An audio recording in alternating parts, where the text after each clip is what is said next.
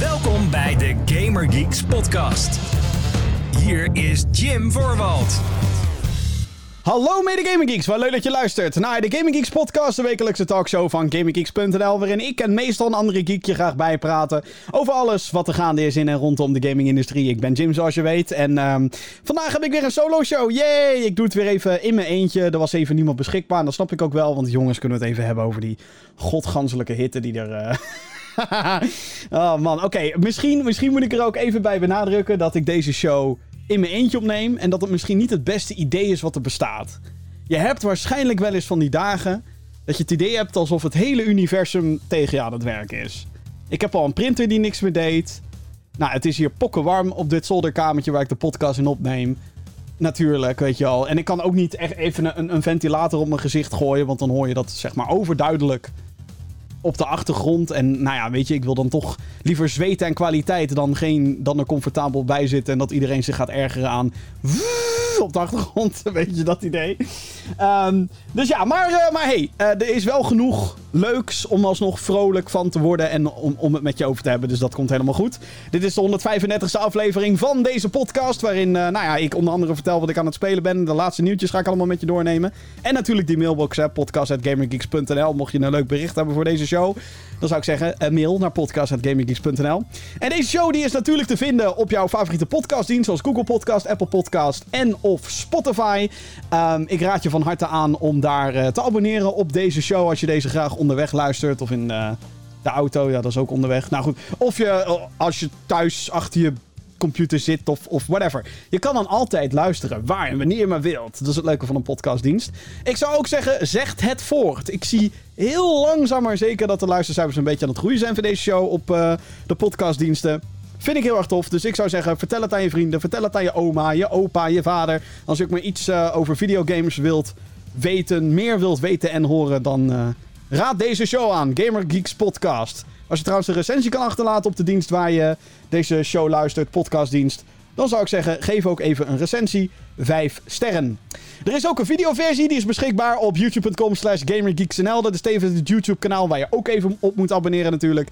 En waar um, we ook onze videocontent posten. Waaronder um, nou, deze show natuurlijk dan in videovorm. Dus hier onder andere mijn glinsterende hoofd. Wat zeg maar bewijst dan is dat het, uh, dat het heel warm is hier. Echt niet normaal. Ah, ik moet deze show. Ik moet eigenlijk een keer een, manier zien te vinden om deze show buiten te gaan opnemen. Wat op zich niet heel lastig is, maar. Dat. Anyway, um, genoeg gezeken over hoe warm het is voor Domme Jim. Datum van opname is 22 juni 2020. Echt vlak voor het opnemen van deze show is er nog spannend nieuws gebeurd. Dus uh, ga ik het zo meteen uitgebreid met je over hebben. Want uh, de streamingoorlog is voorbij, mensen. We kunnen de hakbijlen en zo kunnen we allemaal neer gaan leggen. Oh wel, is het voorbij? Of komt er een tweede slag? Oeh, wat zou dat allemaal betekenen? Oeh. De playlist. Maar eerst de playlist. Uh, als je een beetje gaming hebt gevolgd, dan weet je dat er op dit moment een hele grote game is verschenen op de PlayStation 4. The Last of Us Part 2. Um, en ja, ik heb hem ook. Uh, ik heb uh, de Collector's Edition heb ik. Hier naast mij staat Ellie. Of nee, ze zit een, beeld, een standbeeldje van Ellie dan natuurlijk, die bij de Collector's Edition zit. Mocht je uh, uitgebreid mij willen horen of zien flippen hoe ik die Collector's Edition uitpak, um, youtube.com slash gaminggeeksnl natuurlijk. The Last of Us. Um, even ter context. The Last of Us deel 1 was misschien wel een van de meest geprezen games ooit op de PlayStation 3. Kreeg een jaar of anderhalf jaar later een, uh, een remaster op PlayStation 4. Dat blijft eigenlijk nog steeds de beste manier om deze game te spelen. En um, ik heb hem... Ja, ik, ik bedoel, ik kreeg zaterdag kreeg ik die game binnen, want PostNL die was aan het kutten. En daardoor kon ik het niet op release krijgen. Dankjewel PostNL, nog steeds die middelvinger, die zijn voor jullie. Maar um, ik heb hem gespeeld. Uh, nog niet uitgespeeld. Dat moet wel even duidelijk gemaakt worden. Ik bedoel, uh, ik heb hem nu... Als ik al mijn opnames bij elkaar optel van wat ik van mijn PlayStation heb opgenomen, kom ik uit op 10 uur 40 ongeveer. Maar laten we gewoon eventjes hè, even heel royaal nemen dat ik minstens 40 minuten aan het kloten ben met minuutjes en uh, dat ik tussendoor even naar de play ben of wat te drinken pakken. Je kent het allemaal wel van die hele typische game breaks. Ik heb, laten we zo zeggen, ik heb 10 uur gespeeld. Dus op dit moment heb ik absoluut nog niet het einde gezien van deze game. Dus wat je nu gaat horen zijn mijn impressies van The Last of Us Part 2. Maar dan van de eerste pak een beet, dus 10 uur. Ik ga geen spoilers geven of wat dan ook. Ik ga geen. Uh, uh, ik ga niet zeggen, oh, skip naar, naar een minuutje of zo in deze podcast. Daar, ik vind niet dat dat thuis hoort in deze podcast. Maar, um, ja, The Last of Us Part 2. Jim, wat vind je er nou van? Wat vind je er nou van? Nou, um, om, om een beetje de context te creëren. Waarom was The Last of Us Part 1, zo kunnen we het nu gaan noemen. Waarom was die zo ontzettend goed?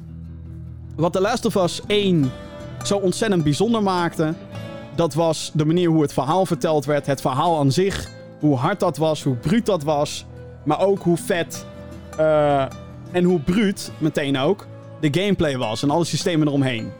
Um, The Last of Us is een game die zich afspeelt in een post-apocalyptische wereld. Het is een zombie game. Uh, maar dan wel met een soort van unieke take op de zombies. De zombies zijn hier in dit geval geïnfecteerd met een daadwerkelijke schimmelparasiet. Dus al die schimmels komen letterlijk uit de lichamen van die ondoden. Het is heel, uh, heel, heel luguber als je erover nadenkt. Zeker als je weet dat deze parasiet echt bestaat. Maar dat is dan met name in de insectenwereld is dat een ding. Maar dat is heel tof. Het visual design en zo super tof. En als je dan zeg maar een game hebt als The Last of Us, die wordt gezien als een van de beste games al uiteindelijk, bla bla bla bla. Dan is het opvolgen daarvan best wel een taak. En is Naughty Dog geslaagd, de ontwikkelstudio, geslaagd in het neerzetten van een goede opvolger? Ik twijfel erover. Ik bedoel, laat ik dit zeggen. Een goede game is het zeker. Je speelt in dit geval als Ellie. Zij is 19 jaar en uit de eerste game uh, is gebleken dat zij immuun... Immuun... Immuun... Ze, nou, ze is niet onsterfelijk, maar ze, ze kan tegen de zombie bite, zeg maar. Als zij gebeten wordt door een zombie, dan gaat ze niet per definitie binnen één dag dood. Nee, ze kan er gewoon tegen. Dat is haar, haar soort van superpower, zeg maar. verder is het gewoon een, nou ja, een normaal meisje. Een normale vrouw inmiddels in deel 2.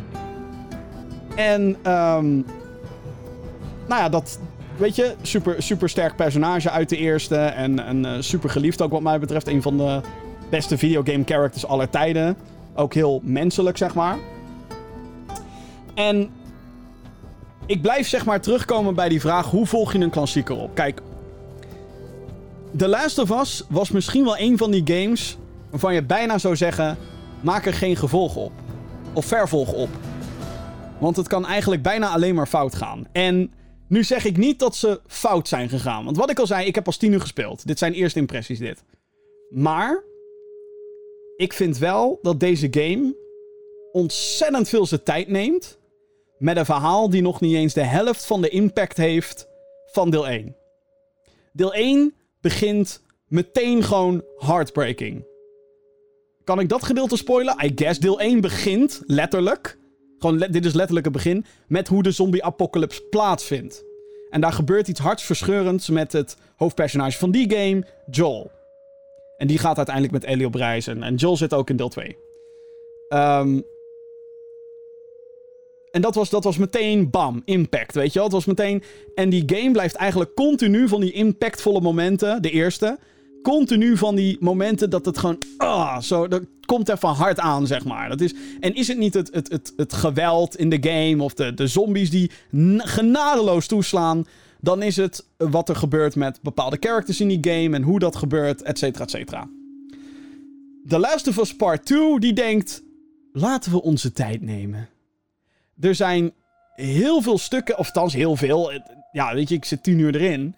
Maar er zijn best wel wat stukken in deze game dat het. En wat ik al zei, het neemt zo erg zijn tijd. Het is. De, de, er zijn gewoon uren geweest waarbij er eigenlijk zo goed als niks gebeurt. Waarbij je uh, letterlijk. Oh, deze poort heeft geen power. Laat me even deze hele fucking stad uh, exploren. Om een beetje benzine te vinden die dan in zo'n power generator kan. Dat is echt een van de nou, het is een sidequest, maar het is eigenlijk gewoon een hele langdurige main quest.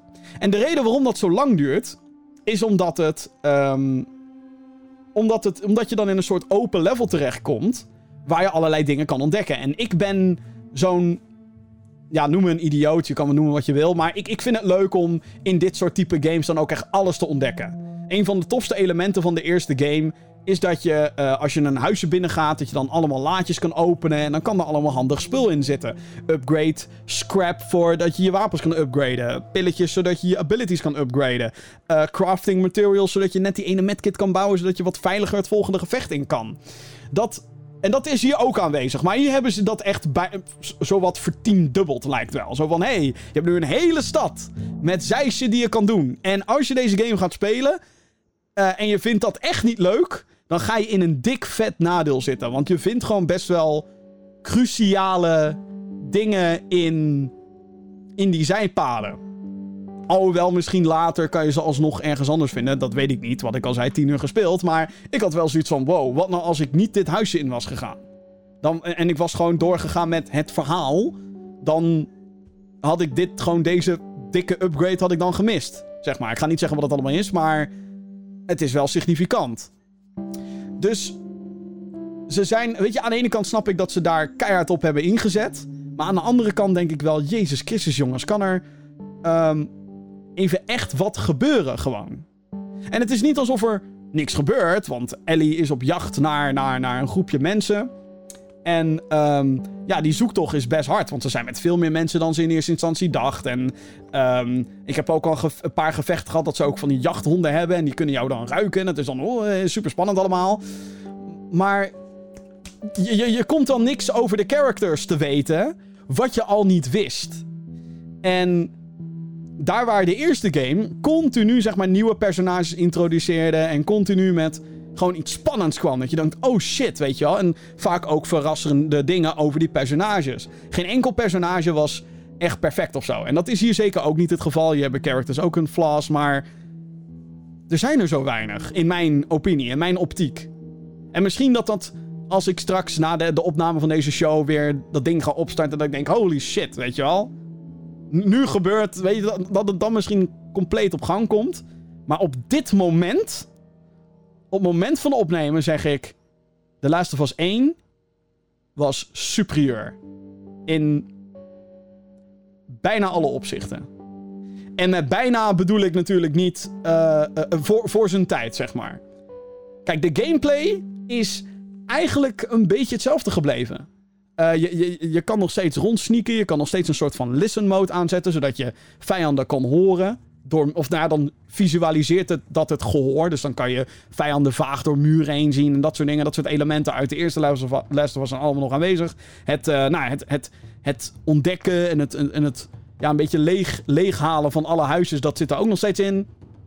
En um, ja, de schietgameplay en de stealth is redelijk hetzelfde gebleven. Behalve dat je nu wat meer abilities hebt. Ellie kan bijvoorbeeld daadwerkelijk kruipen.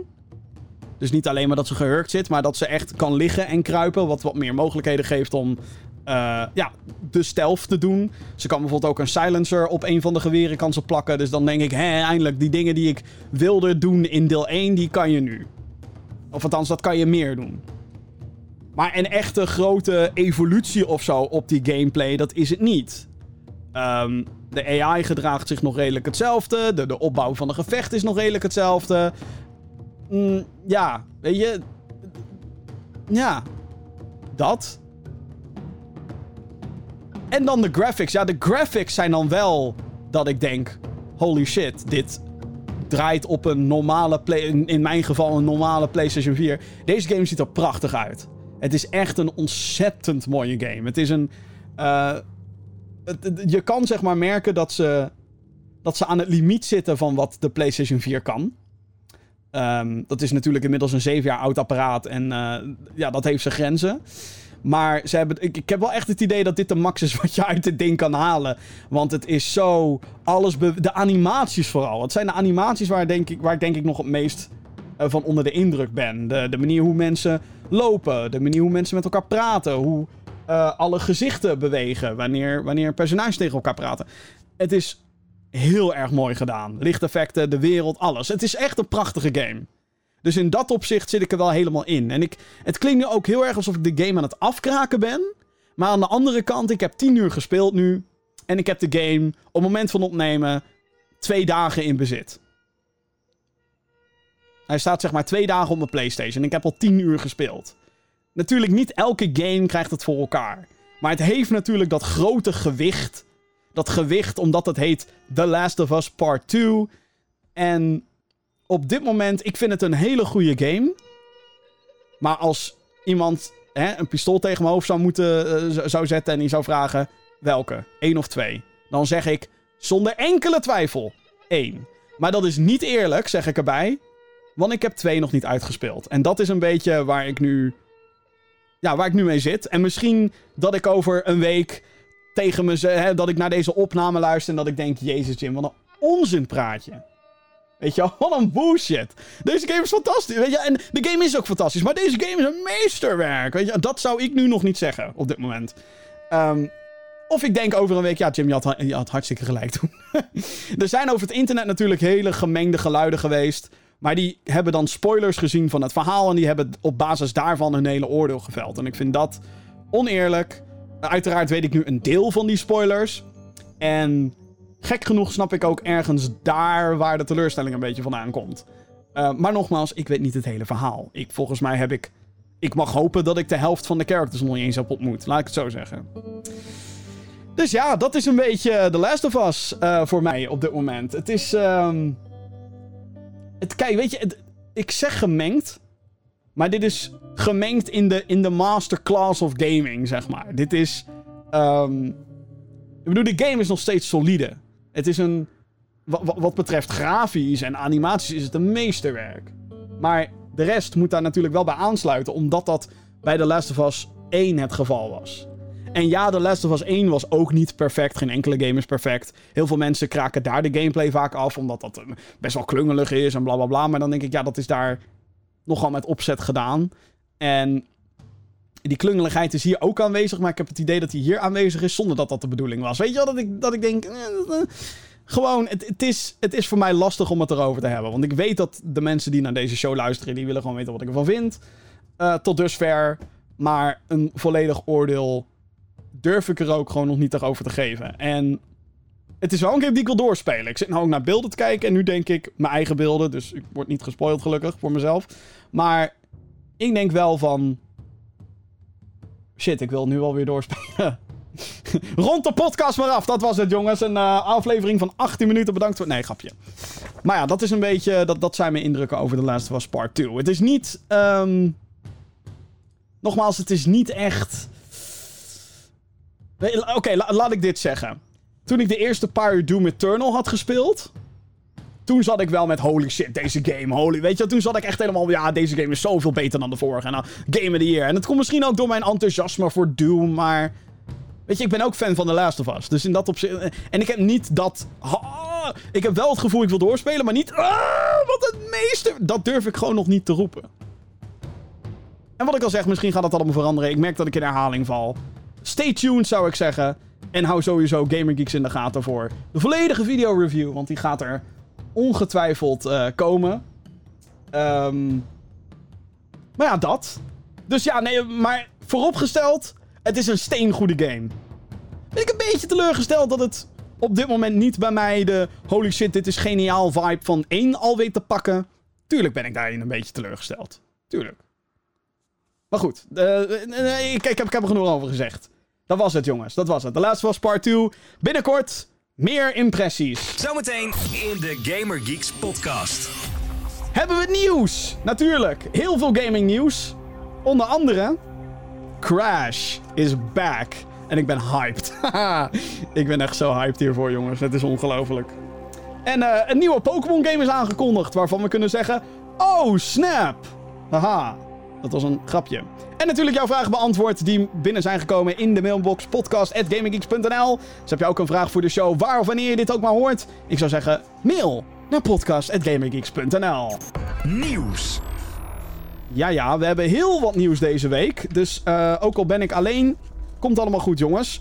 Uitgever EA die heeft bijvoorbeeld zijn jaarlijkse EA Play presentatie gehouden. Uh, daar is verrassend weinig getoond. Maar uiteraard zijn er wel wat nieuwtjes uitgekomen. Ja, dit was een beetje de. Uh, hè, we zitten in de periode dat eigenlijk E3 had moeten zijn. En E3 is de grootste gamebeurs van het jaar. Gaat natuurlijk niet door, want COVID. En ehm, heel veel bedrijven doen nu digitale presentaties. En EA is er eentje van. En hey, EA, een van de grootste uitgevers die we hebben, dames en heren. Ze zijn gigantisch. Ze zijn geweldig. Nou, geweldig. Daar zijn de meningen over verdeeld. Maar ik kan me hier echt op verheugd. Ik dacht, EA gaat echt met hele vette shit komen. Viel dus wel mee. Het was heel weinig. Het was echt heel weinig. Voor EA zijnde. Zelfs hun sporttitels kregen niet eens alle aandacht. Wat ik, um, wat ik verrassend vond overigens. Maar, maar uh, we, gaan, we, gaan, we gaan er gewoon doorheen. Gewoon, gewoon alsof er niks aan de hand is, jongens. Want er was natuurlijk wel nieuws. Allereerst, Apex Legends. De Battle Royale shooter. U kent het wel, denk ik. Die uh, uh, komt eind dit jaar uh, namelijk naar de Nintendo Switch. Dat is aangekondigd. Dat heeft uitgever, of de studio moet ik zeggen, Respawn Entertainment bevestigd. Er waren eerder al geruchten over. Hoe gaat dat dan gebeuren? Ja, het gaat gebeuren. De game kwam vorig jaar februari al naar PlayStation 4, Xbox One en PC. Er werd ook meteen aangekondigd dat de game eind dit jaar crossplay support krijgt. De spelers op alle vier platforms, PC, Switch, Xbox, PlayStation, kunnen allemaal met elkaar spelen. Een precieze datum hiervoor is nog niet gegeven, maar ik denk dat we uit kunnen gaan van. Nou, fall 2020. Wat zullen ze daarmee bedoelen? Als ze het slim aanpakken, doen ze het in september of zo. Hm? Zeg maar voordat iedereen uh, gaat flippen om de daadwerkelijke najaarstitels en zo. Dan heb je nog een beetje de tijd. Vind ik leuk. Ik vraag me vooral, ik ben vooral heel erg benieuwd naar hoe die op de Nintendo Switch gaat draaien. Want, hmm, Apex Legends, ik bedoel, maar, maar weet je, dan kan je natuurlijk ook zeggen, Fortnite draait ook op, op, uh, op Switch, inderdaad. Maar goed, die draait ook al op mobiel. Weet je wel, dus je zou bijna zeggen dat Epic met Fortnite daar rekening mee gehouden heeft. Met uh, hoe die game geïmplementeerd wordt en zo. Dus ik ben benieuwd. Het zal waarschijnlijk 30 frames per seconde gaan worden. Uh, het kan sowieso crossplayen met, met de andere, dus... Dat is in ieder geval heel erg goed nieuws. Dus Apex Legends naar Switch en crossplay eind dit jaar. Dat was een TLDR. Dan, tijdens de EA Play presentatie is de nieuwe game van Hazelight Studios aangekondigd. Oh man. De studio wordt geleid door Joseph Ferris, die bekend staat om zijn expliciete persoonlijkheid. Tijdens de Game Awards heeft hij een keer uh, geschreeuwd: Fuck the Oscars! En dat was toen heel grappig. Niemand durft dat te zeggen, zeg maar. Dat was de, een beetje ding. En hij is sowieso heel erg van... Oh, this game is amazing. To fucking play it. Zo zegt, zo zegt hij dat gewoon. Ik, ik, hij is wel een beetje mijn type, zeg maar. Anyway. Uh, daarnaast heeft de studio uh, al twee opvallende games op de markt gebracht. Hazelight dus. Uh, Brothers, A Tale of Two Sons en A Way Out. Wat mij betreft twee verplichtingen die je moet spelen. Alhoewel met A Way Out heb je daadwerkelijk iemand nodig om te kunnen spelen. Dus echt een co-op game in al zijn naturen. De nieuwe game van dit team, want ja, er komt dus een nieuwe game aan, die gaat heten It Takes Two. En nee, die heeft niks te maken met uh, dat uh, liedje of met, uh, met dat televisieprogramma. het wordt volgens Ferris een co-op action platformer. En meer dan dat weten we eigenlijk niet. korte trailer was dat met wat animaties, maar echt gameplay zagen we niet. En samenspelen wordt natuurlijk weer een cruciaal deel. Het heeft wel een kleurrijke stijl, moet ik zeggen. In 2021 gaat It Takes Two verschijnen. Er werd, werden geen platforms genoemd of whatever. Dus het is allemaal nog een beetje... Een beetje gissen. En dat vond ik wel jammer. Ik had juist wel verwacht van deze dat we een full-blown reveal gingen krijgen. Maar dat uh, werd het niet. In plaats daarvan kregen we dat voor de game daarna. Uh, Zoink, de studio achter het sprookjesachtige V, die komt ook met een nieuwe game. Uh, het, is action, het is een action-adventure en heet Lost in Random. Klinkt inderdaad heel random, maar geloof mij, maar dit is eentje die je in de gaten wil houden. Hierin speel je als een meisje, Even, die in een zeer aparte wereld, die doet denken aan, wat mij betreft, een mengeling tussen Tim Burton's Nightmare Before Christmas en wederom Tim Burton's Alice in Wonderland. je compagnon is Dicey en dat is dan een levende dobbelsteen. Ook deze titel komt in 2021. Het is een action-adventure. Dit vond ik prachtig. Dit heeft zo'n aparte stijl. Als je de audioversie van deze podcast luistert, zou ik bijna willen zeggen: pauzeer het even en check even die trailer. Lost in Random trailer. Uh, ziet er ontzettend vet uit. Ik dik dit, deze vibe. Wauw. Ik vind het er gewoon heel vet uitzien. gewoon heel apart. En het is een stijl die we. die we niet zoveel meer zien in games. We zien heel vaak bepaalde stijlen die dan even in zijn. En ook dit heeft wel eens in, in, in games gezeten. Het doet me ergens ook op een gekke manier denken aan Epic Mickey. Maar dat is misschien een beetje dat duistere met cartoony characters. Weet je dat? Maar ik denk dat de... Nou goed, gewoon Tim Burton. Gewoon Tim Burton animatiefilm. En heb je Lost in Random. Geweldig. Ik kan hier echt niet op wachten. Maar ja, wanneer exact... Als Slime dood... Weten we ook niet. Dat is ook jammer. Maar ja, zo gaan die dingen natuurlijk. Dus uh, ja, Lost in Random. In de gaten houden, jongens. Nieuwe studio Final Strike Games. Die komt ook met een EA Original. Zo heet het indie label van de uitgever. Dus de vorige twee waren ook EA Originals. Yeah. De game is een 3v3 arena shooter. Oh god. En heet Rocket Arena. Ja, uh, de gimmick hierbij is dat uh, je weer van die wacky personages hebt. Allemaal met hun eigen abilities natuurlijk.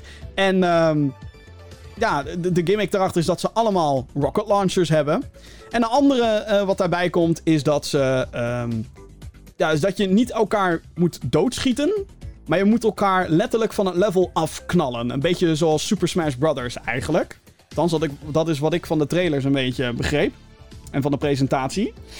Uh, Rocket Arena gaat 30 euro kosten en komt op 14 juli naar PC, PlayStation 4 en Xbox One. Wel meteen met crossplay, dus die kunnen allemaal met elkaar spelen, indien ze dat natuurlijk willen. Ja, um, bij deze aankondiging had ik zoiets van... Oh dear. We hebben weer een Overwatch-clone. Althans, het is niet een Overwatch-clone, want het doet natuurlijk dingen anders. Maar het is weer, zeg maar, dat stijltje, dat cartoony stijltje. En oh kijk, we zijn allemaal characters met allemaal andere abilities en andere moves en zo. En ik ben duidelijk een tankachtige. En ik ben eentje die damage doet. En weet je, bijna elke Overwatch-clone heeft gefaald. En, en nogmaals, wat ik zei, clone is dan misschien niet het goede woord, maar Overwatch-achtige is, heeft gefaald. En dat heeft een reden. En het is natuurlijk omdat Overwatch een beetje de koning is van niet een genre wat het heeft uitgevonden, want daarvoor was al Team Fortress 2, waar Overwatch heel veel van heeft gejat. Um, maar ja, alles. Gewoon, ga maar na. Wat kwam er na Overwatch wat er heel erg op leek? Battleborn is dood. Uh, Lawbreakers, dood. Bleeding Edge is ook al uitgestorven gewoon. En dan komen ze nu met Rocket Arena. En wat, wat, wat, mij betreft de grootste fout is die ze hier maken... is dat deze game niet free-to-play is. Dit had free-to-play moeten zijn. Gewoon 30, eu 30 euro? Tuurlijk is niet het duurste wat je kan betalen voor een game. Dat zegt iemand hier die gerust 200 euro uitgeeft aan een Collector's Edition voor The Last of Us Part 2. Of Cyberpunk, of nou ja, Doom Eternal, weet ik veel. Maar die 30 euro is een barrière waar heel veel mensen niet overheen willen stappen. Zeker niet voor een multiplayer-only titel. Waarvan je misschien denkt, nou, ik weet niet of deze game wel wat gaat worden. Die vibe hangt er bij mij heel erg rondom deze game. Rocket Arena. Wie zit hier nou... En ook al was het free-to-play... Ik denk dat het zelfs met free-to-play dat het gewoon keihard op zijn gat gaat. Maar 30 euro? Oei. Ik... Uh... Nou, je merkt het misschien al aan wat ik allemaal zeg. Ik heb hier... Uh...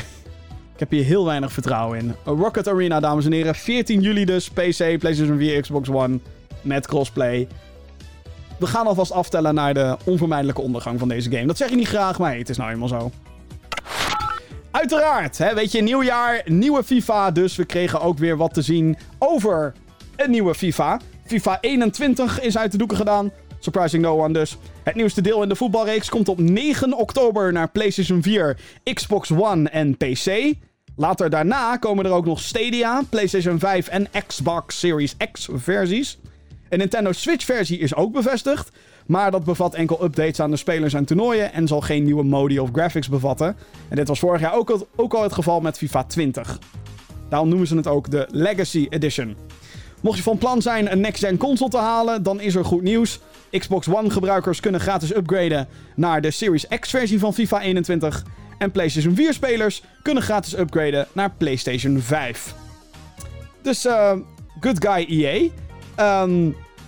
EA had, had, natuurlijk makkelijk kunnen zeggen: hey, uh, fuck you. Ga gewoon koop maar gewoon lekker een nieuwe versie. Um, dat was volgens mij bij FIFA 14 wel het geval. Toen die ook voor PlayStation 3 en PlayStation 4 uitkwam toen natuurlijk. Maar hm. nu kan je dus gaan upgraden. Overigens weten we natuurlijk nog niet officieel of het later naar PlayStation 5 en Xbox Series X uh, komt. Omdat we gewoon nog niet, niet weten wanneer die consoles uitkomen. Maar um, we kunnen ervan uitgaan, denk ik, dat die consoles in november gaan uitkomen. Of in ieder geval eind oktober. Maar pin me daar niet op vast, want dat is puur en alleen zo'n pure gok van ondergetekende. Dan de laatste nieuws rondom de EA Play. Um, de uitgever heeft bevestigd dat er een nieuw deel in de Skate franchise komt. En nee, dan heb ik het niet over Skate the Great, maar gewoon Skate. Uh, de serie staat bekend als de EA-tegenhanger van Tony Hawk's Pro Skater. Uh, de serie werd in eerste instantie geprezen voor de innovatieve besturing, waarbij je met analoge sticks trucs kan doen op je skateboard, mocht dat nog niet duidelijk zijn. Later werd de serie bekend dankzij meme-waardige video's waarbij de physics van de serie vaak voor gek werden gezet. Ik kan me nog wel herinneren dat ik helemaal in een deuk heb gelegen om een, uh, om een PewDiePie-serie. Waarbij die in Skate 3 allemaal random shit doen en dan flikkert hij op zijn mel en die, en die, die, die physics flippen hem en dan vliegt zijn hele personage door de lucht. Dat is echt hilarisch. Um, dus dat. Uh, wat de nieuwe skate game gaat zijn, dat is niet bekend. Er zijn geen details bekendgemaakt over of het hier gaat om een remaster, remake of een volledig nieuwe game. Daarbij zijn ook de platforms compleet onbekend. Het was echt gewoon twee dudes aan het eind van de presentatie. Die zeiden: Hey guys, ja, um, we zijn bezig aan een nieuwe skate. En dat was het. het was gewoon. Het was helemaal niks. Ze zijn ook nog in early development, zeiden ze. Dus ze hadden nog letterlijk niks om te tonen. Dus ik ben. Um... Ik bedoel, ik. ik Oké, laat ik dit zeggen. Heel veel mensen waren fucking hyped toen deze uh, aankondiging naar buiten kwam. En ik had zoiets van. Ja, leuk dat ze het doen. Maar ik heb letterlijk nog nooit skate gespeeld. Ik ben een Tony Hawk guy. Ik, uh, gewoon, ik, ik, ik speel elke Tony Hawk. Oké, dat is ook niet waar. Ik heb niet alle Tony Hawks gespeeld. Maar. Bij wijze van. Als Tony Hawk met een nieuwe editie komt, buying that shit immediately. Ik weet gewoon hoe dat werkt. Zit in mijn brein gegraveerd, die besturing en zo. Dus ik heb Skate nooit gespeeld. Alleen, waarom zijn mensen hyped om deze aankondiging? Want er was letterlijk niks aangekondigd. Helemaal niks. Het was gewoon... Hey guys, nieuwe Skate. En... Weet je, I guess, weet je, als er nu gewoon random twee dudes op een stream live gaan en die zeggen: Hey guys, we maken een nieuwe Jazz Jack Rabbit, dan flip ik hem weer. Maar ik vond het een hele opvallende voor EA om te zeggen: Oké, okay, hier eindigen we wel mee. Hier eindigen we wel mee. Het is gewoon uh, ja, ja, nieuwe skate, dus de, de ender. Wat mij betreft hadden ze moeten eindigen met iets anders. Uh, dit was overigens niet alles wat getoond werd tijdens de EA Play presentatie. Uh, er werden ook nog er werden beelden getoond van Star Wars Squadrons. Die Star Wars ruimtegame waarbij je met ruimteschepen tegen elkaar moet schieten. Zag er heel tof uit. Um, wat lieten ze nog meer zien eigenlijk? Ik weet het niet eens meer. Um, een filmpje van The Sims over hoe iedereen kan simsen. En ja, dat was het wel. Ik heb nu echt het idee dat ik iets vergeet, maar het was ook zo'n vergeetachtige presentatie. Heel veel mensen noemen dit een van de slechtste E3-conferenties ooit.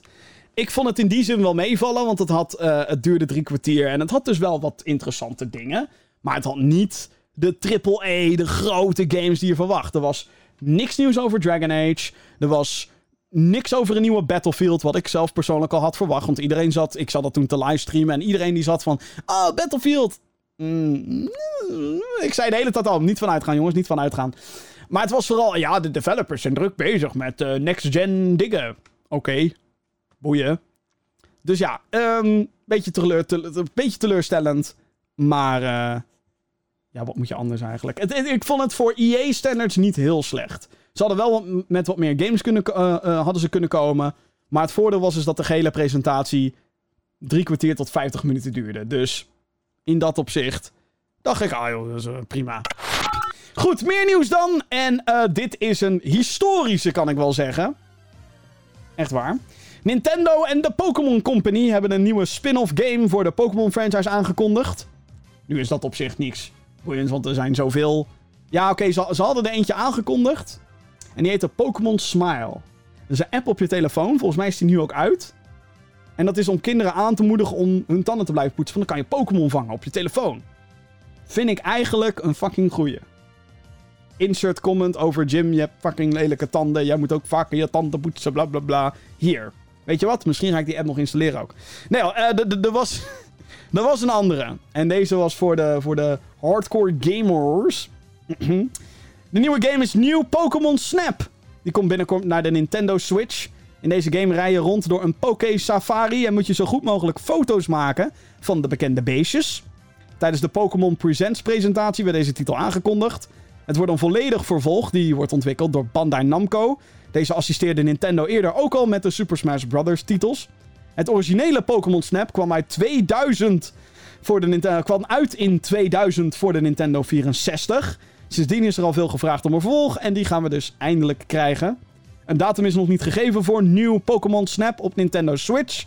Deze week wordt er nog een nieuw Pokémon-project aangekondigd. Dat gaat, om precies te zijn, op 26 juni 2020 gaat dat gebeuren.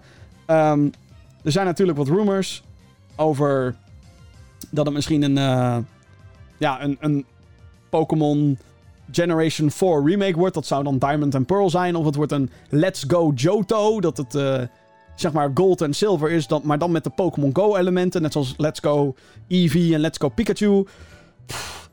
um, maar dat gaan we allemaal nog maar te zien. Maar nieuw Pokémon Snap. Een nieuwe Pokémon Snap. Ik bedoel, ik heb Pokémon Snap zelf nooit gespeeld. Maar ik weet gewoon hoe dol mensen waren op Pokémon Snap. Dus het kan nog, jongens. Nintendo, het kan 20 jaar duren. Maar Nintendo luistert wel naar je. dus kom op, jongens. F-Zero, do it. Um, wat ik wel trouwens heel kut vind, dat is die naam. Fuck die naam. New Pokémon Snap. Hebben we niet genoeg geleerd van New Super Mario Brothers? Kom op. New Super Mario Bros. komt trouwens uit 2006. Dus is nu natuurlijk alles behalve nieuw meer. Die game is 14 fucking jaar oud. Bijna net zo oud als Pokémon Snap. Nee, dat is niet waar natuurlijk. Maar ik haat die naam. Noem het gewoon Pokémon Snap 2. Wat is daar nou fucking moeilijk aan? Of Pokémon Snap, dubbele punt, een nieuw lens. Of zo, weet ik veel, iets met camera's. Geen idee. Maar, come on. Nieuw Pokémon Snap, are you fucking kidding me? Kom op. Iedereen kan met betere fucking uh, titels komen. Dus ook jij, Pokémon Company. Ook jij, Nintendo. Hou op met die nieuw gimmick. Want het is stupid. Zelfs Pokémon Switch Snap had ik nog beter gevonden dan dit. Alhoewel, dus zelfs dat kan backfiren natuurlijk als je die game ooit wil gaan re-releasen. Zoals bij de verschrikkelijke naam New Super Mario Bros. U. Deluxe Edition voor Switch. What the fuck. Goed, genoeg gebits over een naam. Je snapt het allemaal wel. Het is, het, is allemaal verschrikkelijk, jongens. Oké, tijd. Juist. Juist. You're breathtaking. Ja, ja. Yeah. Yeah. Cyberpunk 2077, dames en heren. Ik heb kutnieuws. oh nee, dit is zo erg. Dit is zo erg. Dames en heren, uh, je hebt het vast wel meegekregen als je het game nieuws een beetje op Twitter volgt. Maar um, ja, weet je, ik moet het alsnog benoemen in deze podcast. Want hey, waar is anders een nieuwssectie voor? Cyberpunk 2077 is weer uitgesteld. De open world action RPG die ontwikkeld wordt door de studio achter de Witcher games, CD Projekt Red, zou eerst 17 september uitkomen. Maar via het Twitter-account van de studio is aangekondigd dat de game zijn release date van die 17 september niet gaat halen. Dit is extra zuur omdat de game al werd uitgesteld van een april release geloof ik. April had het moeten uit, toen werd het september. En nu, Cyberpunk 2077 komt nu 19 november. De game staat gepland voor PC, PlayStation 4, PlayStation 5, Xbox One, Xbox Series X en Google Stadia. Eerder werd bekend dat de game later zou uitkomen op Google streaming platform. Of dat uh, nu met dit uitstel ook nog steeds het geval is, dat is niet bekendgemaakt. Oh, joh, joh, joh, joh, joh, joh, 19 november, jongens. Het wachten op deze game wordt inmiddels ondraaglijk. Ik, uh, ik zag deze persoonlijk niet aankomen. En dat komt omdat CD Projekt Red dus heel vaak al had gezegd... Van, hey guys, uh, COVID is allemaal heel kut, bla bla bla. Maar ons project is niet vertraagd hoor. Wij zijn gewoon op schema heeft helemaal geen impact gehad op onze studio. Echt niet. Hebben ze meerdere malen hebben ze dat gezegd. Hm. Dus ik dacht, bekend heilig, van nou, nou, dat gaan ze dus wel redden. Makkie, weet je wel, dat wordt gewoon 17 september. Was voor mij ook een mooie deadline, want persoonlijk, eh, ik ben namelijk in de markt voor een nieuwe computer. Ik heb allerlei wensen, ik weet, het moet gewoon een, een dik beest van een ding moet het natuurlijk worden. En mijn soort van deadline was eigenlijk Cyberpunk. Het was gewoon, weet je, als Cyberpunk uitkomt, dan wil ik die nieuwe PC hebben staan. En dan kan ik, weet je wel, gewoon dat op ultra high gaan spelen. Want dat, gewoon, weet je wel, dat was voor mij een leuke aanleiding om dan eindelijk een keer even een nieuwe PC te halen. En dan Cyberpunk was dan. En die wordt nu ook weer twee maanden opgeschoven. Op zich vind ik dat dan weer niet zo erg, want hé, hey, dan krijgen alle videokaartbedrijven en zo krijgen dan weer wat langer de kans om hun shit op de markt te brengen. Want er moet bijvoorbeeld een nieuwe generatie grafische kaarten van Nvidia moeten, er komen. Dat gerucht dat gaat al letterlijk een jaar en er zijn ook al leaks geweest en zo. Dus kom op, jullie kunnen het, Nvidia. Maar um, weet je, dus dat die deadline opschuift vind ik niet heel erg. Maar toch wel weer twee extra maanden wachten op die game. Dat is natuurlijk wel gewoon zuur. Dat is echt zuur. Um, als je nu aan mij zou vragen, Jim, denk je dat Cyberpunk 2077 misschien 2020 niet eens gaat halen? Dan zeg ik, die kans is best aanwezig. Want hé, hey, we zitten nog steeds in lockdown. Het is nog steeds allemaal kut. Er gebeurt nog steeds van alles en nog wat in de wereld. En wie weet komen ze straks, lopen, ze, lopen die developers straks weer tegen iets aan. Waardoor ze echt zoiets hebben van ja, kut. En wat ze nadrukkelijk trouwens zeiden in, in hun aankondiging, is dat de game aan zich gewoon af is en speelbaar en weet ik wat allemaal. Maar dat ze toch nog die extra tijd willen nemen om de game compleet te polishen. En weet je, op zich vind ik dat wel heel moedig. Dat je dan ook kan zeggen als studio, en zij zijn een van de weinige studio's die bij wijze van alle tijd kan nemen die ze nodig hebben. Want nou, CD Projekt Red is ongelooflijk rijk. Dankzij The Witcher. onder andere. Um, dus zij, weet je, zij, zij, kunnen het gewoon wel maken in die zin. Dus het.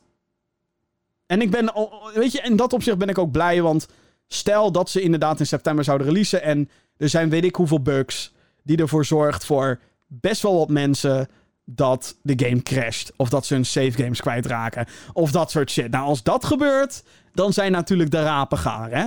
Dan heb je het gedaan. Zeker in zo'n open world game waarbij je honderden uren kan rondwalen. En ik heb, ook, eh, ik heb ook echt het idee dat dit zoiets gaat zijn. Ik heb mensen duizenden uren in The Witcher 3 zien steken omdat ze letterlijk alles willen doen in die game. En ik denk dat Cyberpunk minstens die lengte gaat aanhouden. Dus, um, tuurlijk, het is teleurstellend. Maar aan de andere kant, ja, um, als het moet, dan moet het iedereen pakt altijd die quote van Shigeru Miyamoto erbij. Um, a rushed game is forever bad, but a delayed game is uh, forever good of zoiets. Of a delayed game eventually gets good.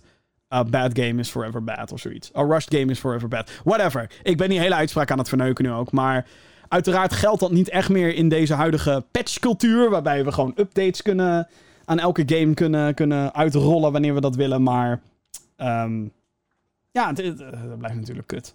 Zeker als je hebt verheugd op deze game. Dus ja. Wat doen we er verder aan? Gewoon verheugen. Jongens, er komen zat andere games uit. Echt waar. Echt waar, er komen echt zat andere games uit. En, wat ik me nu ook afvraag meteen. 19 november. Zouden dan de PlayStation 5 en de Xbox Series X dan nog niet in de winkel liggen? Wordt dit gewoon een launch game voor de next-gen consoles? Of, oh wel, volgens mij niet. Want volgens mij zijn ze van plan om de next-gen versies later te releasen.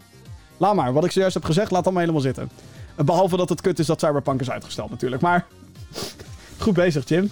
Ik heb mijn feiten wel bereid. nee, maar um, um, Cyberpunk uitgesteld. Kutzooi. TLDR. Horizon Forbidden West moet in 2021 gaan uitkomen.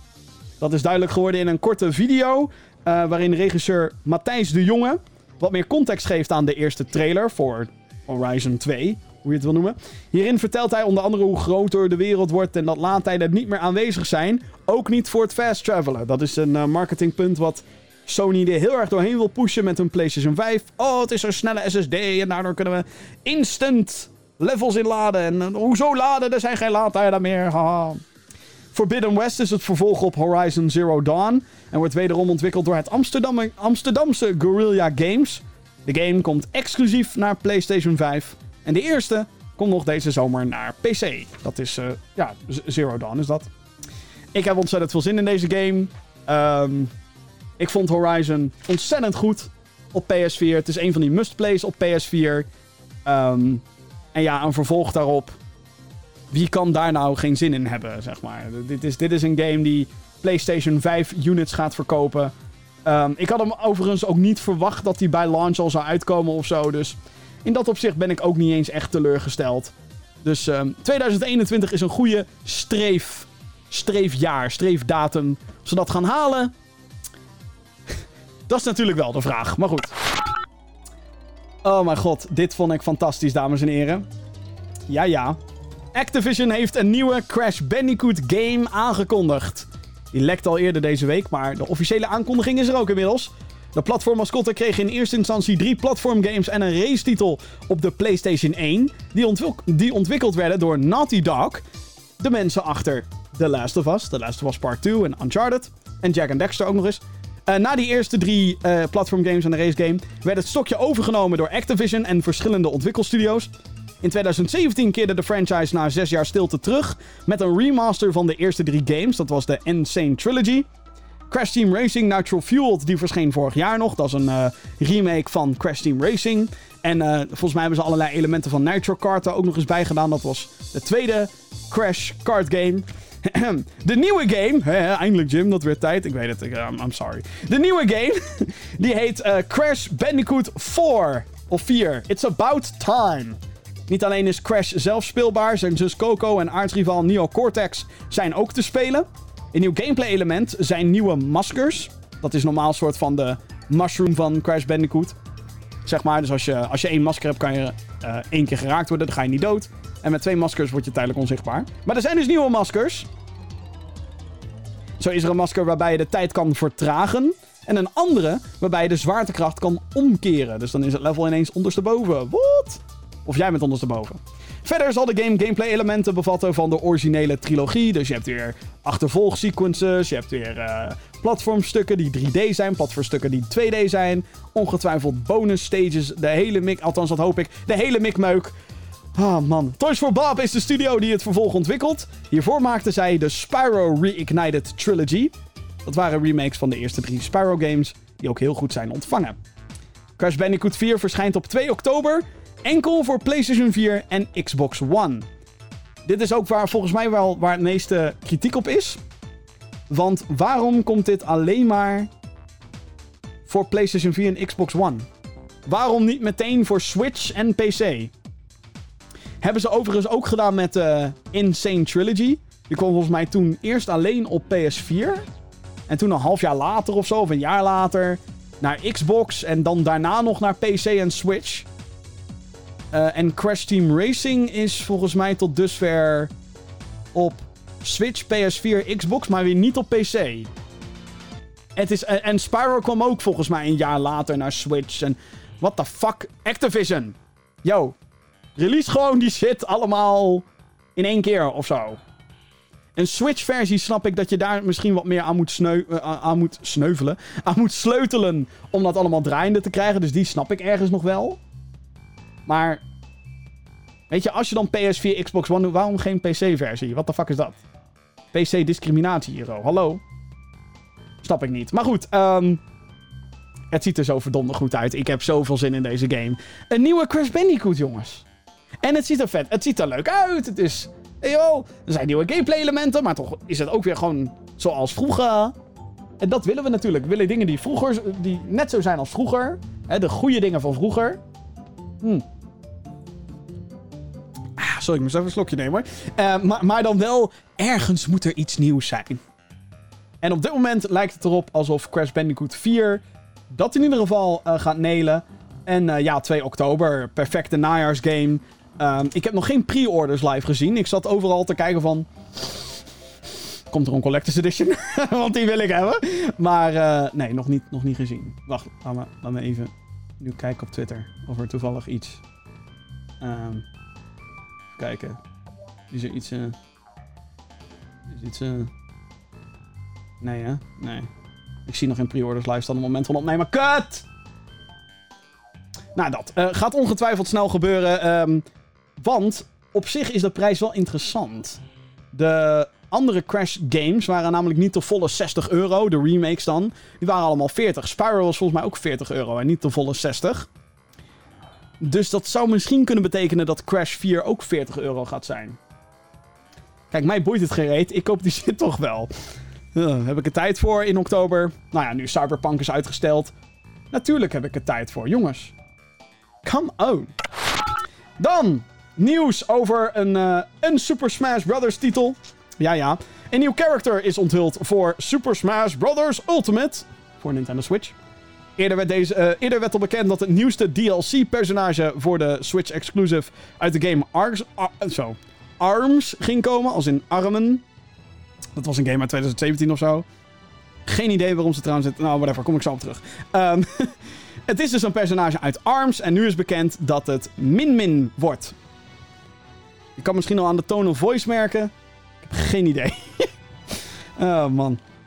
Ik heb wel de presentatie gekeken, dat wel. Uh, de gimmick van het personage is dat zij uitstrekbare armen heeft. Die je individueel kan gebruiken. Dus je kan dan A en B tegelijkertijd. Of je kan eerst je linkerarm doen en dan heel snel je rechterarm. Want oh, combo's. Een soort combo character. Wanneer het nieuwe personage in de game komt, is niet bekendgemaakt, verrassend genoeg. Verder werden er een aantal skins voor Mii-fighters onthuld, waarvan de meest opvallende Vaultboy uit Fallout was. Dus je kan met Vaultboy uit Fallout kan je spelen in Super Smash Bros. Maar dan wel als skin voor de Mii-fighter. Wat ik altijd een beetje, een beetje de goedkope manier vind om, uh, om dit te doen. Maar um, ja, een, nieuw character in Super Smash. En het is uh, een ARMS character. Yeah, ja, voor degenen die niet weten wat het is overigens. ARMS is een, um, een vechtgame voor de Switch. Waarbij je dus daadwerkelijk met je Joy-Cons moet zwaaien om de boxbewegingen te, na te doen. Te imiteren, te mimiken. Volgens mij heeft die game nog best goed verkocht ook. Maar volgens mij is dat puur en alleen omdat het een Nintendo-titel was. Op de Switch. dus ja, dan uh, weet je al een beetje waar dat naartoe gaat natuurlijk. Dus... Um... Ja, dat. Dan uh, wat geruchten. Geruchten, dames en heren. Afgelopen week lekte er een aantal domeinnamen die, die geregistreerd zouden zijn door Warner Brothers Interactive. Een uitgever die volgens andere bronnen weer te koop staat. Maar daar hebben we nog helemaal geen update over gehad. Wel over die domeinnamen. Wat is daar, wat is daar nou in godsnaam aan de hand? Nou, er zijn dus een paar domeinnamen. Waardoor er allemaal geruchten de ronde gaan over het internet van... Oh shit, wat betekent dit? Warner Brothers heeft onder andere de DC Comics licentie in handen. Nou, daar kan je best wel toffe games omheen maken. Is natuurlijk ook wel eens gebeurd. Zo is de domeinnaam voor Gotham Knights is vastgesteld. Of vastgezet. Dit doet vermoeden dat dit de naam is van de nieuwe Batman game. Die ontwikkeling is bij uh, in, in ontwikkeling is bij Warner Brothers Montreal. Zijn studio die eerder Arkham Origins maakte. Een ander domeinnaam heeft te maken met Suicide Squad. Volgens insiders is studio Rocksteady bezig met de game rondom de groep Anti-Helden. Rocksteady is dan weer de studio achter drie Batman games. Namelijk Arkham Asylum, Arkham City en Arkham Knight. En dat is eigenlijk een beetje een notendop wat het nieuws is. Dus het is... Um, Gotham Knights is iets wat rondloopt. En Suicide Squad. Nou weet ik ook dat er een aantal jaar geleden was er al een Suicide Squad volgens mij in ontwikkeling. Maar dan bij Warner Brothers Montreal. En dat werd toen gecanceld, want dat verliep niet helemaal zoals ze het wilden en bla bla bla. En als Rocksteady nu dat over gaat nemen. Hmm. Hmm. Ik vraag me zeg maar sowieso af hoe een Suicide Squad game zal spelen. Sowieso, welke characters ga je erin doen? Want ja, uh, Joker lijkt me dan een soort no shit, weet je wel? Harley Quinn lijkt me dan, zeker nu zij best populair is natuurlijk, een no shit Sherlock. Maar ja, caren mensen wel genoeg om die andere characters? En is dat binnen de Batman Arkham canon, zeg maar? En, en hoe zit dat allemaal? Er is sowieso iets aan de hand bij Warner Brothers. Ehm, er waren al leaks of inside informatie dat Warner Brothers dit jaar een E3 persconferentie wilde houden. Dat ging natuurlijk niet door. Want COVID, net zoals heel E3 natuurlijk niet.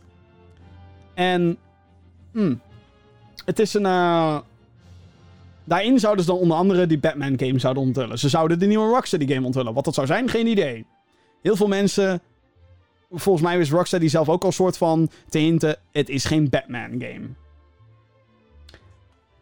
Hmm. Hmm. En ja, ik, ik ben er allemaal nog niet zozeer zeker van. Ik hoopte de hele tijd nog dat het een Superman game ging worden. Dat lijkt ook gewoon nog steeds niet te gebeuren. Een goede Superman game. Fucking hell. Misschien dat dat met PlayStation 5 en de supersnelle SSD een keer gaat gebeuren, maar... ehm, ja, dat, dat, wat is er aan de hand? En ze zouden daar ook die Harry Potter RPG gaan onthullen. Eindelijk, een big budget Harry Potter game. Het zou verdomme een keer tijd worden. Dus het is nu gewoon... Jongens, kom op. Kondig die shit nou gewoon aan. het begint nu zeg maar een soort meme te worden. Want er zijn echt al weet ik hoeveel geruchten zijn er over. Al, alle drie de games geweest. Over een Suicide Squad game. Over een nieuwe Batman game. Over, over de Harry Potter game. Kom op Warner Brothers. Just, just do it. Yesterday, you said tomorrow. So just fucking do it. Zo moeilijk is het allemaal niet. Kondig die shit gewoon aan. Alhoewel, moeilijk is het soms wel. Zeker om dingen geheim te houden. Want, ehm ja, ehm, dat lukt niet altijd, want bijna alles lekt. Maar je snapt hopelijk wat ik bedoel. Lek het dan desnoods. Oké, dat misschien niet. Misschien dat niet. Dat is ook weer niet zo leuk als alles maar lekt. Oké, eh, vandaag heeft Microsoft bekendgemaakt dat het streamingplatform Mixer ermee gaat stoppen. Het is einde streamingoorlog. Nou oké, misschien niet helemaal, maar Mixer is gone. Alle gebruikers gaan geëmigreerd worden naar Facebook Gaming, het streamingplatform van no shit Facebook. Mixer begon in 2017 toen, toen Microsoft de streaming service Beam overkocht. Beam! Het werd bedoeld om de, eh, of het was bedoeld om de Xbox One van een eigen Twitch-aanhanger te voorzien, zodat ze hun content creators en hun games konden promoten. En je wel, een hype, community hype. Een aantal grote streamers die besloten over te stappen van Twitch naar Mixer met een exclusiviteitscontract.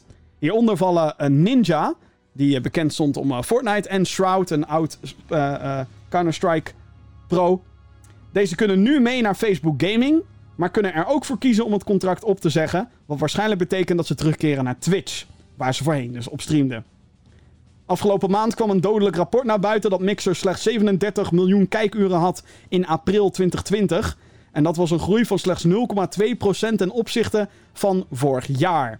En dat was heel erg pijnlijk, omdat, je, eh, omdat Facebook Gaming in diezelfde periode een groei doormaakte van 650%. En als je het in de coronatijd meemaakt om slechts 0,2% te groeien, ja, dan gaat er natuurlijk niet echt iets goed. Dus ja, het is, eh, het is voorbij. Mixer is klaar en dat is toch best wel eh, abrupt komt dat nu over. Ik zag overigens net al op Twitter voorbij komen dat zowel Shroud als Ninja hebben gezegd: wij willen niet op Facebook Gaming exclusief zitten. Ehm, dus waarschijnlijk gaan ze gewoon terug naar Twitch. Het is. eh, Maar ja, ik had dit eigenlijk niet verwacht. Ik dacht dat Microsoft wel voor minstens een paar jaar voet bij stuk zou houden en zou zeggen: we gaan hiervoor. Let's go. Ook al kost het ons miljoenen. En dat heeft ze ook miljoenen gekost.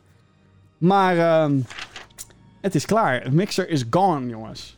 Mixer.com slash gamergeeks bestaat gewoon straks niet meer. Ah, ik vind het ergens vind ik het jammer. Eh, en waarom ik het jammer vind, is omdat Mixer, omdat ze natuurlijk met die grote namen kwamen. En omdat ik persoonlijk de user interface van Mixer ontzettend fijn vind. Echt waar. Ik vind Mixer heel fijn om gewoon te gebruiken en ernaar te kijken. Ehm, en ik vind het zeg maar jammer dat er dus geen dedicated gaming streaming platform is die tegen Twitch ingaat. En tuurlijk, er bestaat YouTube gaming, er bestaat Facebook gaming, maar dat zijn subdivisies van een groter geheel. Dat is niet zeg maar. En tuurlijk, je zou kunnen beweren dat Twitch een onderdeel is van Amazon. Wat het nu natuurlijk ook is, omdat Amazon Twitch heeft overgekocht. Maar in zijn basis is Twitch Twitch. Weet je wel? En dat is voornamelijk gamers, maar er gebeuren ook allerlei andere dingen op, zoals muziekfestivals en eh, eh, random radio-dj's die een uh, radioprogramma's daarop uitzenden om ook met beeld iets te kunnen doen. Ehm, dus het, het wordt natuurlijk allemaal breder. En ik vond het zeg maar wel tof dat er dat Mixer de content creator wel belangrijk maakte. En tuurlijk, tuurlijk, weet je al, dan heb je het ook meteen over twee hele populaire. Shroud en Ninja. Op Twitch waren ze fucking populair. En tuurlijk, op Mixer waren ze ook populair. Maar daar halen ze 5000 kijkers.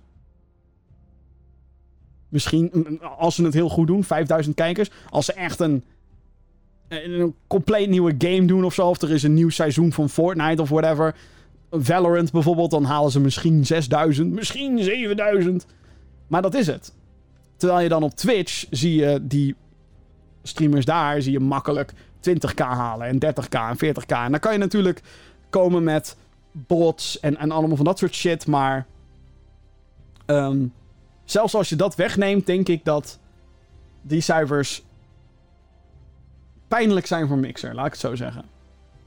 Ehm, maar wat ik al zei, weet je, het maakte de content creator wel belangrijk. Het, het forceerde Twitch om ook namelijk een paar namen vast te zetten. Om, om die mensen contracten aan te bieden. Zo van, yo, nee, Dr. Disrespect, jij blijft hier. Tim de Tapman, jij blijft op Twitch.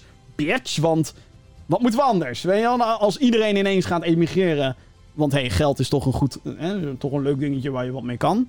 En zeker als je van, hè, ik bedoel, stel je even voor, je bent Shroud en je zit op Twitch en, en je, het gaat allemaal lekker en je verdient bakken met geld, whatever, je bent super populair. En dan komt Mixer aanzetten met best wel een grote kans, zeg maar. Zo hey, we gaan nieuwe dingen doen en eh, nou, je krijgt sowieso een shitload aan geld als je bij ons tekent. Dus wat betreft geld hoef je nooit meer, je hoeft je nooit meer zorgen te maken, of nou, nooit meer. Zolang het contract duurt, zeker nu blijkt, want hey, het is nu al voorbij. Maar hè, je hoeft je niet meer zorgen te maken over hoe- hoeveel donaties of hoeveel Twitch-ups of hoeveel whatever. Je kan gewoon je ding doen. Dat is voor die content creators natuurlijk fucking belangrijk. Althans, lijkt mij belangrijk. Ik zou er, weet je, Twitch stream, eh, pro-Twitch streamer worden. Professioneel Twitch streamer. Lijkt me hartstikke leuk. Maar ik moet er niet aan denken dat ik continu maar een hele kleine pool aan games kan blijven spelen. Dat ik continu Call of Duty Warzone moet doen. Ik bedoel, ik vind Call of Duty heel leuk. Heel eerlijk. Maar acht uur, weet je wel, die, die, die streamers zijn dan ook vaak lang online, hè. En dat dan elke dag, ja, sorry, ik, ik zou daar helemaal lijp van worden. En tuurlijk, dan kan je wisselen tussen Valorant en Apex Legends en Fortnite. Maar als je al iets niet speelt wat, wat niet populair is, of niet de huidige Twitch-trend is, Escape from Tarkov was er ook zo eentje, dat ik dacht, nou, moet er niet aan denken om dat überhaupt te spelen. Laat staan fucking vijf dagen achter elkaar. Holy shit. Dus die vrijheid is denk ik heel belangrijk. En ehm, helaas is hiermee een beetje bewezen dat het boeit eigenlijk niet welke creator er zit. Als je maar op de populairste website zit. En weet je, ergens ehm, valt er natuurlijk wat voor te zeggen. Ik bedoel, ik, maar, ik zet mijn video's op YouTube. Want ja, waar de fuck moet ik het anders dumpen? Dailymotion? Pff, daar kijkt echt helemaal niemand naar. En ik guess dat dat nu ook gewoon de vergelijking is. Mixer is de Dailymotion van streamingdiensten, basically. Dus ja, nou, eh, maar wat ik al zei, ergens vind ik het jammer. Ik, ik hield er gewoon van dat er nu een groot, machtig bedrijf was, Microsoft, die zei: We komen je halen, Twitch. We gaan niet van je winnen, maar we gaan wel zoveel mogelijk van je wegsnoepen. En dat dat nu gone is, vind ik jammer. En tuurlijk, Facebook krijgt er nu een shitload aan dingen bij, assets, data. Daar gaat Microsoft nu mee samenwerken, maar. Facebook gaming. Bedoel, ken- kennelijk kijken er heel veel mensen naar, want het heeft, is ontzettend gegroeid. Maar op dit moment denk ik echt. Facebook gaming. Eh, ik, ik, ik, ik zie die combi gewoon niet. Maar ja, dat dus Mixer eh, gone. Wanneer alles offline gaat trouwens, dat eh, heb ik niet gezien. Trouwens. Dus ja, dat. Oké. Nou, mensen. Tot zover het nieuws van, eh, van deze week. Het was, het was best wel weer een hoop. Maar we komen er uiteindelijk uit natuurlijk. Heb jij een vraag voor de show? Mail naar podcast.gamergeeks.nl De mailbox, die natuurlijk 24 uur per dag, 7 dagen per week, voor jou beschikbaar is. Die is er gewoon voor je. Jongens, het is heerlijk. Ik heb ook alweer een paar mailtjes gekregen. Waarvoor mijn hartelijke dank. Ik blijf het zeggen, podcast.gaminggeeks.nl. Mail podcast.gaminggeeks.nl. Allereerst, ehm oh jeetje, van wie was dit mailtje? Shit. Snel, open de mailbox, dan kan ik het nog zien. Ik heb het wel uitgeprint allemaal op papier. Maar, eh... vergeet de naam te copy-pasten. Wacht even. even. Even erbij pakken. Je moet wel alle credits krijgen natuurlijk als je in deze show zit. Eh, kom op, mailbox, open. Open. Jetzt. Even kijken. Stef. Stef is het. Hallo Stef. Thanks voor je mailtje. Beste Jim. En medegeek, die er nu niet is. Geen zorgen, geen spoilers voor The Last of Us 2. Nee, zeker niet. Nu ben ik best ver in The Last of Us 2. En ik moet helaas mededelen dat deze game mij enorm is tegengevallen. Mede door geforceerde diversiteit. Nu vindt diversiteit in games heel goed. Ik sta daar echt voor open. Maar als je het gaat forceren. Sommige persoonlijkheden van een personage zijn juist dat ze divers zijn. En voor de rest amper persoonlijkheid hebben. Eh, dan vind ik de game heel erg saai. En dat is bij de tweede. En dat is bij de tweede Last of Us juist gebeurd. Hoe denken jullie hierover? Goedjes van Stef. Heel eerlijk, op dit moment merk ik nog helemaal niks van geforceerde diversiteit. En ik denk ook heel vaak dat diversiteit niet eens geforceerd is, maar dat mensen dat zo ervaren. Om wat voor reden dan ook. Op dit moment, wat ik al zei, ik ben pas 10 uur in de Last of Us. Ik ben nog kennelijk, ik weet niet hoe ver ik ben. Ik ga het ook niet opzoeken, want spoilers. Maar ik, ik, ja, ik, ik merk er nog niet zo heel veel van eigenlijk. Ja, oké, Ellie is lesbisch. Dat wist ik al, want The Last of Us 1. Daar zaten al hintjes in. En als je de DLC hebt gespeeld van 1, dan is dat zeg maar 100% confirmed. Ehm, en ja, dat speelt wel een rolletje op dit moment, maar niet zo'n hele grote. En ik vind de characters op dit moment wel aardig. Maar ze zijn nog niet. En nogmaals, misschien dat er nu allerlei, characters bijgekomen waarbij dat wel het geval is. Maar op dit moment merk ik er zelf niet veel van. Als in, het is niet dat het door je strot wordt gedouwd van... Wist je dat Ellie lesbisch was? Nou, Ellie is lesbisch. Sta daarvoor open! Dat, dat, dat is helemaal niet. Zo, voor, zo ervaar ik het niet althans. Ik vond het juist heel verfrissend om in... En dan kan ik het even over een game hebben. De eerste... ehm, waarbij ik dus juist zoiets heb van... Hey, ehm, het is eigenlijk gewoon heel verfrissend dat sommige characters daar gay zijn. eh, Sommige zijn bi, andere, weet je wel, eh, hetero. En daar wordt geen big deal omheen gemaakt. Het is er gewoon. En ik denk dat we. dat dat de manier is om het te doen. En nu weet ik wel dat er in The Last of Us Part 2. dat daar ergens kennelijk een cult zit die heel erg christelijk is. Zeg maar overdreven gelovig. En misschien dat die dan anti-lesbisch zijn of zo, of anti-gay. En dat daardoor. Weet ik veel dat er iets gebeurt. Geen idee. Ik, heb letterlijk geen idee op het moment van opnemen. Maar dat zie ik dan wel gebeuren. Maar. Ja, ik, ik weet niet of dat dan ineens heel geforceerd is of zo. I don't know. Ik, ik weet het letterlijk niet. Maar op dit moment merk ik er helemaal niks van. Dus dat. Even kijken. PS, waarom zijn de Counter-Strike Pete video's offline? Ik vond ze juist zo grappig. Oké, mensen.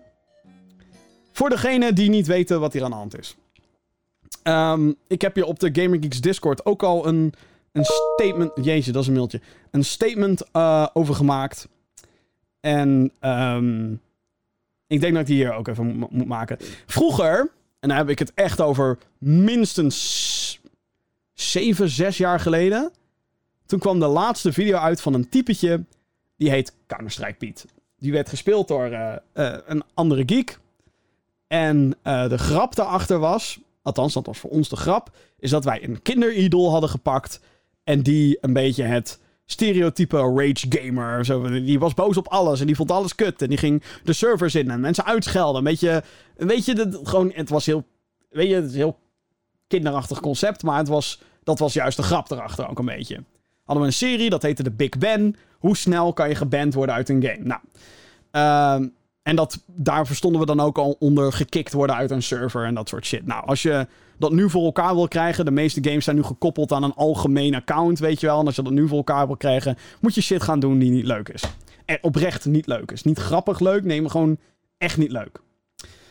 Die video's die hebben wij offline gehaald. Alle video's met dat typetje hebben we offline gehaald. En ik denk dat de reden best duidelijk is. Er zijn nu ehm, uiteraard weer discussies gaande rondom Black Lives Matter. En ja, Black Lives Matter.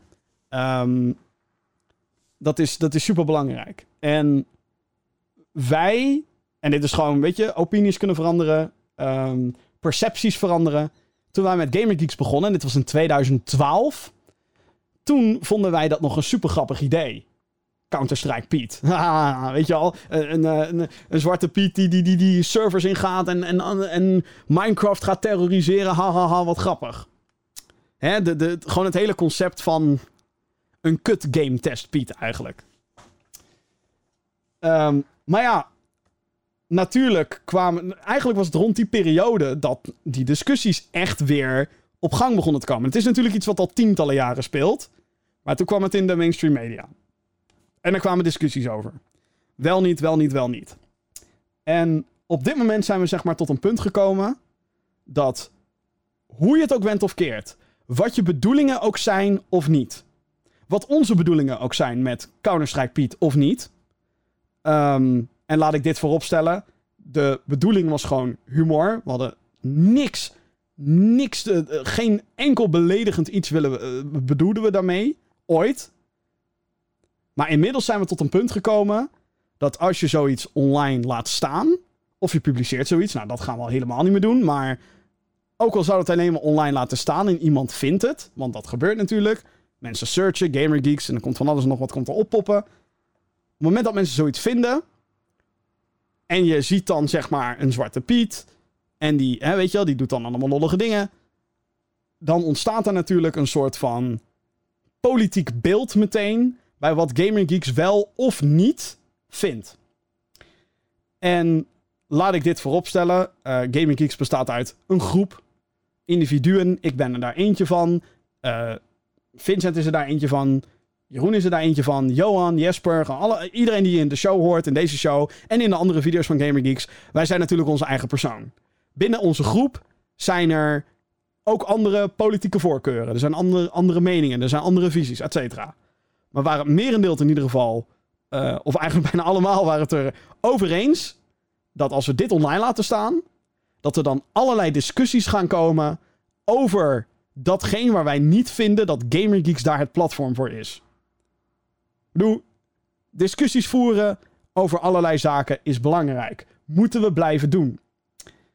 Maar GamerGeeks is bedoeld als entertainment en ook als informatiedrager, soort van, uh, over games. En op het moment dat een video mensen kan beledigen, niet eens om de content zelf, maar het typetje wat dat doet, dan denk ik dat je daar goed over moet nadenken. En dat. Het is trouwens niet mijn beslissing geweest, het is de beslissing geweest van degene die CS Speed speelde, om het allemaal offline te halen. Um, dus, dus, en, en ik vind dat een goede. Ik vind dat zelf een goede beslissing. We zijn inmiddels op het punt gekomen. Je moet je zeg maar. Dit is mijn take. Dit is gewoon puur en alleen mijn take. Dan moet ik er wel even bij zeggen. Hi. Als er elk jaar discussie is over Zwarte Piet. Of je het er nou wel of niet mee eens bent. Dat hij waarschijnlijk weggaat. Hè, dat hij helemaal gaat verdwijnen uit het hele uh, toekomstige Sinterklaasvieringen. Um, als daar elk jaar een discussie over is. En als er elk jaar um, mensen zijn die zich serieus gediscrimineerd voelen. En die dit ervaren als racisme. Dan is dat zeer serieus. En dan vind ik dat daar. Uh, hoeveel tegenstand je er ook tegen wil bieden. Hè? Als je dat hebt. Maar dan moet je daar wel een keer naar luisteren. En ik vind dat, wat ik al zei, Gamer Geeks is bedoeld als een plek waarbij iedereen het zich naar zijn zin kan hebben. Weet je al, uh, je kan het niet met mij eens zijn natuurlijk. Je hoeft, het, je hoeft trouwens absoluut niet met mij eens te zijn. Als ik de of Us 2... Stel, ik vind straks de of Us 2 gewoon kut. En jij vindt het fantastisch. Dat kan. Weet je wel, ik, ik vind het geen geforceerde diversiteit. Anderen misschien wel. Dat mag en kan. Maar ik vind niet dat het een plek moet worden waarbij mensen naar Gaming Geeks kunnen zoeken en dan zeggen: hey, een groepje racisten. Want als we iets niet zijn. Althans, als, oké, als ik iets niet ben. Ik ben geen racist. En zo'n video zou misschien die indruk kunnen wekken. En het levert op dat moment, denk ik, meer discussie op. dan wat het zou moeten opleveren. En dat is vermaak. Dat is eigenlijk gewoon de hele gist. Dat. Jeetje. even, even een heftig momentje zo. Maar ehm, voor, eh, trouwens, en als iemand nog de illusie heeft. ehm, iemand de illusie heeft. van. Komt het typetje ooit terug? Nee. Gewoon nee. Als je daarvoor trouwens geabonneerd bent op GamerGeeks of op wat voor manier dan ook, daarom volg je GamerGeeks nog, stop maar met volgen. Want het gaat niet gebeuren. Goed. Games. Eh, hetgeen waar deze show eigenlijk om behoort te draaien. Hallo Jim en co-host die er niet is. Ik heb laatst nog een gloednieuwe Samsung QLED TV aangeschaft. Doe maar duur. Mijn vraag aan jullie is, eh, eh, dus heeft het nut om een HDMI 2.1 kabel aan te schaffen? Of is de HDMI 2.0 kabel die ik bij de PS4 Pro heb meegekregen goed genoeg? Dit is natuurlijk een hele technische vraag. En ehm Zaid, die heeft een uh, mailtje gestuurd. Bedankt daarvoor. Google dit soort shit gewoon even. Ik heb dit soort shit namelijk zelf moeten googlen. En daar heb ik best wel snel mijn conclusie uitgetrokken. Hier is wat ik ervan begrijp. Je hebt HDMI, hè, dat is gewoon HD shit. Een HDMI-kabel kan altijd HDMI doorsturen. Maar omdat resoluties groter worden, bla bla bla, moet er meer data door die kabels heen. En daarom is er dus zoiets nu als HDMI 2.0. En heb je een HDMI 2.0 kabel. Volgens mij is de aansluiting gewoon hetzelfde, maar een andere kabel. Zodat er meer data doorheen kan en zodat er data... Voilà. Wat ik ervan begrijp is het volgende. 2.0 is gewoon 4K. 4K. Gewoon. Dan weet je 100% zeker dat er 4K doorheen kan. Dat is wat ik ervan begrijp. However, dan heb je 2.1. Dat is de nieuwe grote upgrade of zo. En wat ik ervan begrijp is dat dat geschikt is voor hogere resoluties dan 4K. En voor hogere framerates. En daarmee, basically, hebben we het dan over 8K en 100 FPS of hoger. Daar hebben we het dan over. Je PS4 Pro kan ten eerste geen 8K. En ten tweede, volgens mij is er geen enkele game. Ik weet niet eens of de PS4 technisch gezien 100 frames per seconde kan doorsturen. Ook de Pro. Dus nee, je hebt die kabel nog niet nodig. Voor ergens heel ver in de toekomst. Wanneer de PlayStation 5 Pro, weet, ik veel, dat gaat ongetwijfeld gebeuren met, met oh kijk, 8K, we hebben nu echt 8K, maar niet echt helemaal. Het zijn een soort van halve resoluties en dan strekken we het uit naar 8K, haha. Eh, en, en nog hogere framerates blablabla. Ja, dan moet je inderdaad gaan kijken naar zo'n kabel. En dan moet je natuurlijk ook kijken of je televisie dat ondersteunt. Ehm, maar ja, als je een PlayStation 4 Pro hebt en je gamet daarop, dan denk ik dat je best wel eh, snel tevreden bent met een redelijke 1080p en een 60 fps. Lijkt mij dan, toch? Dat dus. En mijn tweede vraag. Weten jullie of de DualShock 4 ook zal werken op de PlayStation 5? Nogmaals, Google dit eerst. Ehm, van wat ik ervan begrijp is dat de DualShock 4 werkt op je PlayStation 5. Met games die daarbij compatible zijn. Dus als je een PlayStation 4 game speelt op PlayStation 5... dan zou je die technisch gezien moeten kunnen spelen op een DualShock 4.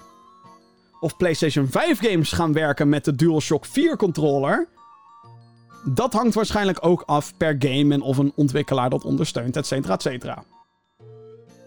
Want de DualSense, de nieuwe controller, heeft wel wat een aantal snufjes die niet in de DualShock 4 zitten. En als die game gebruik maakt van die nieuwe snufjes, ja, dan kan je natuurlijk moeilijk zeggen, hey, DualShock 4. Het hangt af van de ontwikkelaar. Ik denk dat, dat, dat we dat straks allemaal moeten gaan ondervinden wanneer dat ding daadwerkelijk uit is. Even kijken hoor. Ehm Mailtje van Tobias. Hallo Jim, ik heb twee vraagjes.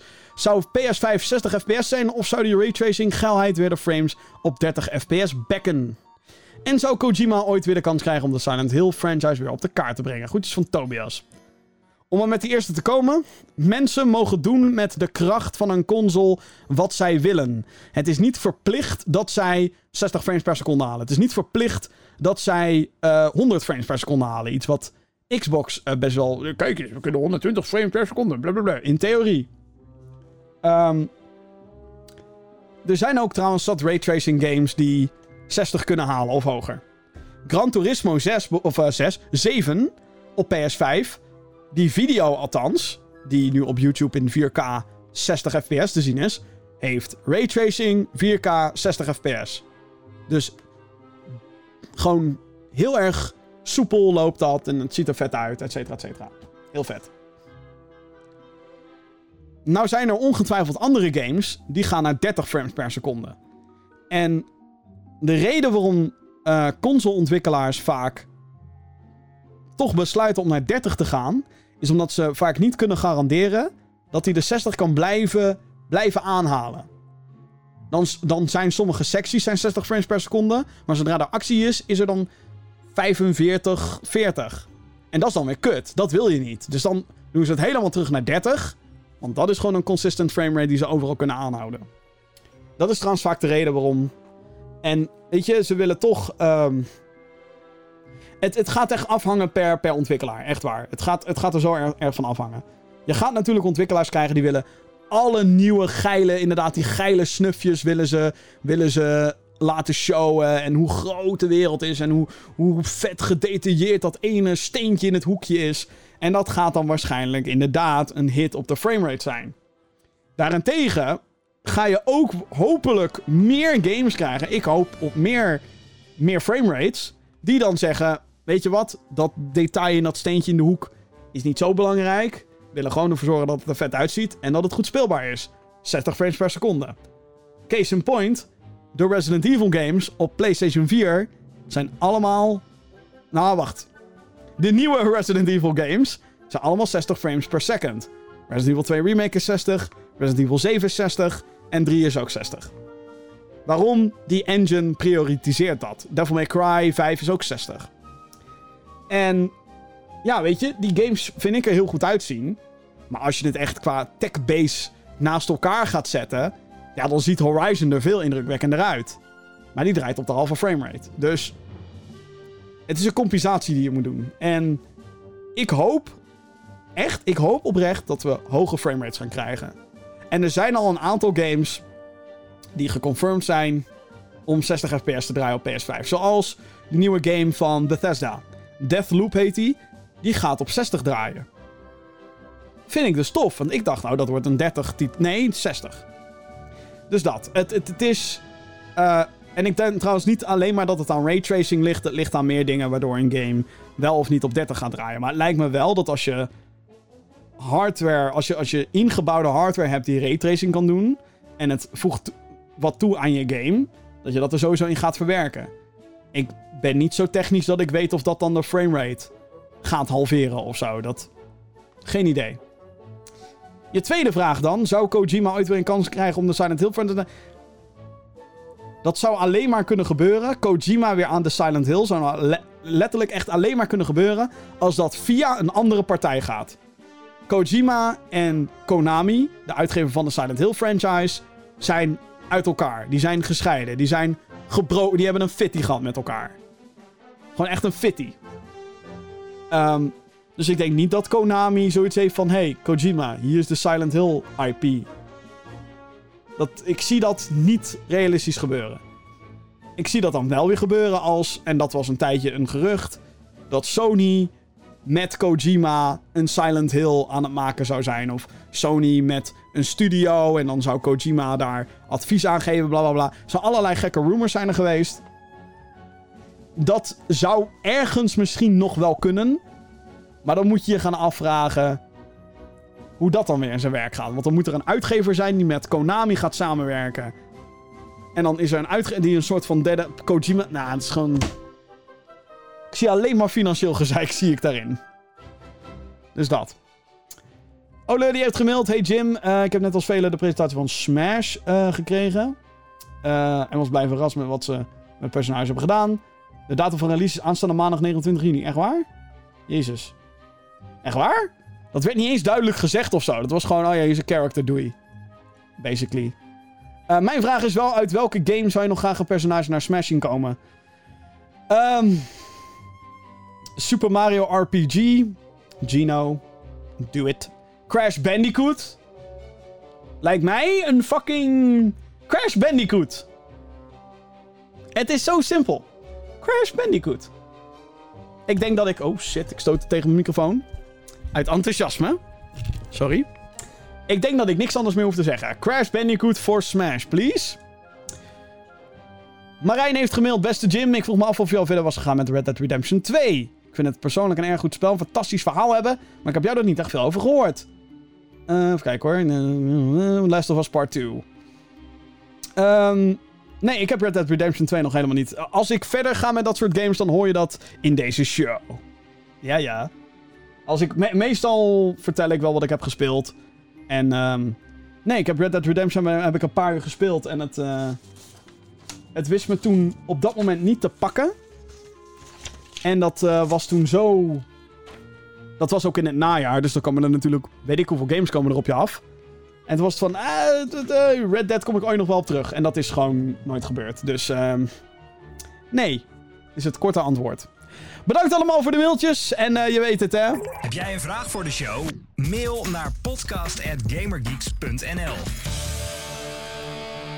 En daarmee zijn we bijna aan het einde gekomen van deze 135e aflevering van de Gamer Geeks podcast. Maar niet voordat ik je heb verteld dat je nu naar gamergeeks.nl moet gaan.